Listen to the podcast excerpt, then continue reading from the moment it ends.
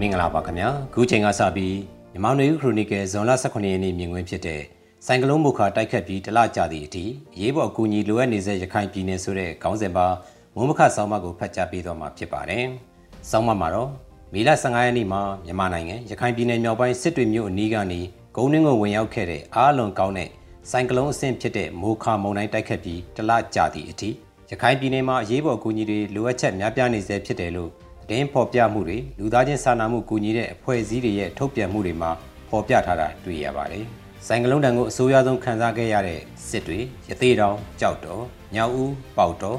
ငင်းများစတဲ့ဒေသတွေမှာနေအိမ်တွေခေါမိုးမရှိတန်ရှင်းတဲ့တောက်သုံးရအခက်အခဲ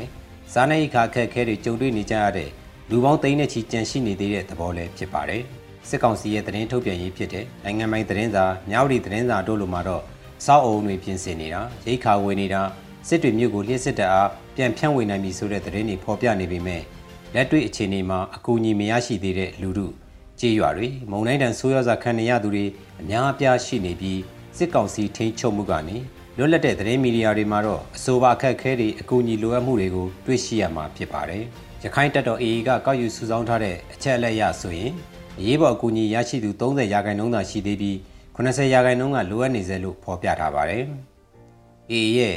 စည်ရင်ကောက်ယူမှုအရဆိုကြေးရွာပေါင်း2000ကျော်မှာအင်ဂျီ2,8000ကျော်ပျက်စီးဆုံးရှုံးခဲ့ရတယ်လို့ဆိုပါတယ်။ဆိုင်ကလုန်းဘေးဒဏ်ခံစားရတဲ့ရခိုင်ပြည်နယ်ကလူထုအတွက်လူသားချင်းစာနာမှုအကူအညီပေးအပ်ဖို့မြောက်ပိုင်းမှာမိတ်လက်နက်ကိုင်အဖွဲ့အချို့နဲ့တိုင်းသားလက်နက်ကိုင်အဖွဲ့အချို့ကအေးအဖွဲ့ကတဆင့်ကူညီခဲ့ကြပါတယ်။သို့ပေမဲ့အမှန်တကယ်လိုအပ်ချက်ကအစများစွာကြီးမားတာကြောင့်တကယ်အကူအညီလိုအပ်သူတွေအကူအညီရဖို့ကအခက်အခဲတွေရှိနေစေစစ်ကောင်စီရဲ့ကန့်သက်ချက်ပိတ်ပင်တားဆီးမှု အမိန့်ညွှန်ကြားချက်တွေကြောင့်အကူအညီတွေပေးဝေဖို့ခက်ခဲနေစေဖြစ်ပါတယ်။အမှန်တကယ်ကူညီဖို့တာဝန်ရှိတဲ့အဖွဲ့အစည်းကဒီဒေသကိုထိန်းချုပ်ထားတဲ့စစ်ကောင်စီဖြစ်ပြီးရခိုင်ပြည်နယ်ကထွက်ရှိတဲ့တဘာဝတံငွေတယံဇာတနဲ့တဘာဝရင်းမြစ်အခွန်ကောက်တွေစီမံခန့်ခွဲနေတဲ့စစ်ကောင်စီက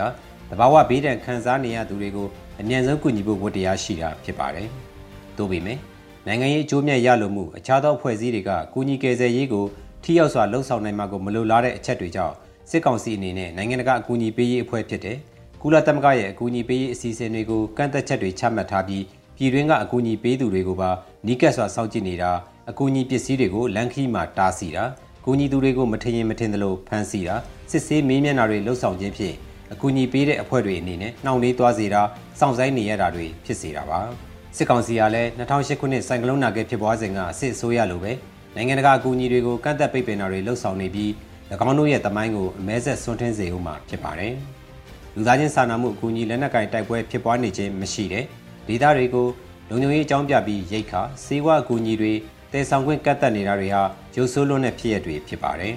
ရခိုင်ပြည်နယ်မြောက်ပိုင်းအနေနဲ့ကုန်းလန်းဝင်ပေါက်အဖြစ်မင်းဘူးအန်လန်ကတဆင့်ဝင်ရောက်ရပြီးရေလန်းအနေနဲ့ကတော့ရန်ကုန်စစ်တွေရေလန်းကိုအသုံးပြုကြရမှာစစ်ကောင်စီကအဓိကလမ်းကြောင်းတွေမှာသွာလာခွင့်ခွင့်ပြုချက်လိုအပ်အောင်လှုံ့ဆော်ထားပြီး ရခိုင်ပြည်နယ်ကမုံတိုင်းတိုင်ခန်းစားရသူတွေကိုပုံမဒုက္ခရောက်အောင်လှုံ့ဆော်နေတယ်လို့ဖြစ်နေတာပါ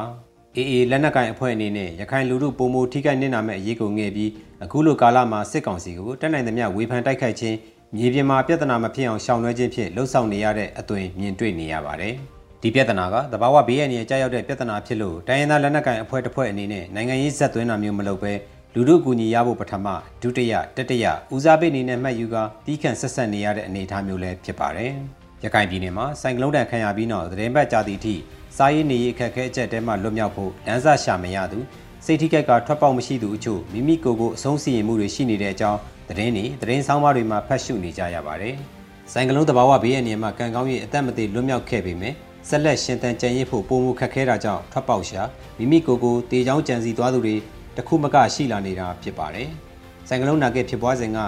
အလားတူစိတ်ဒဏ်ရာတွေထွက်ပေါက်ရှာမှုတွေဖြစ်ပွားခဲ့ဘူးပြီးယခုဆိုင်ကလုန်းမိုခါတိုက်ခတ်ပြီးနောက်မှာလည်းအလားတူအဖြစ်အပျက်တွေစတင်ကြားသိလာရတာဖြစ်ပါတယ်။တဘာဝဘေးအန္တရာယ်ကြောက်ရွံ့မှုရဲ့အကျိုးဆက်အပေါ်နိုင်ငံရေးအရကန့်သက်ချက်နိုင်ငံရေးအရအမျက်ထုတ်မှုတွေလူလုတဲ့စီမံခန့်ခွဲမှုတွေက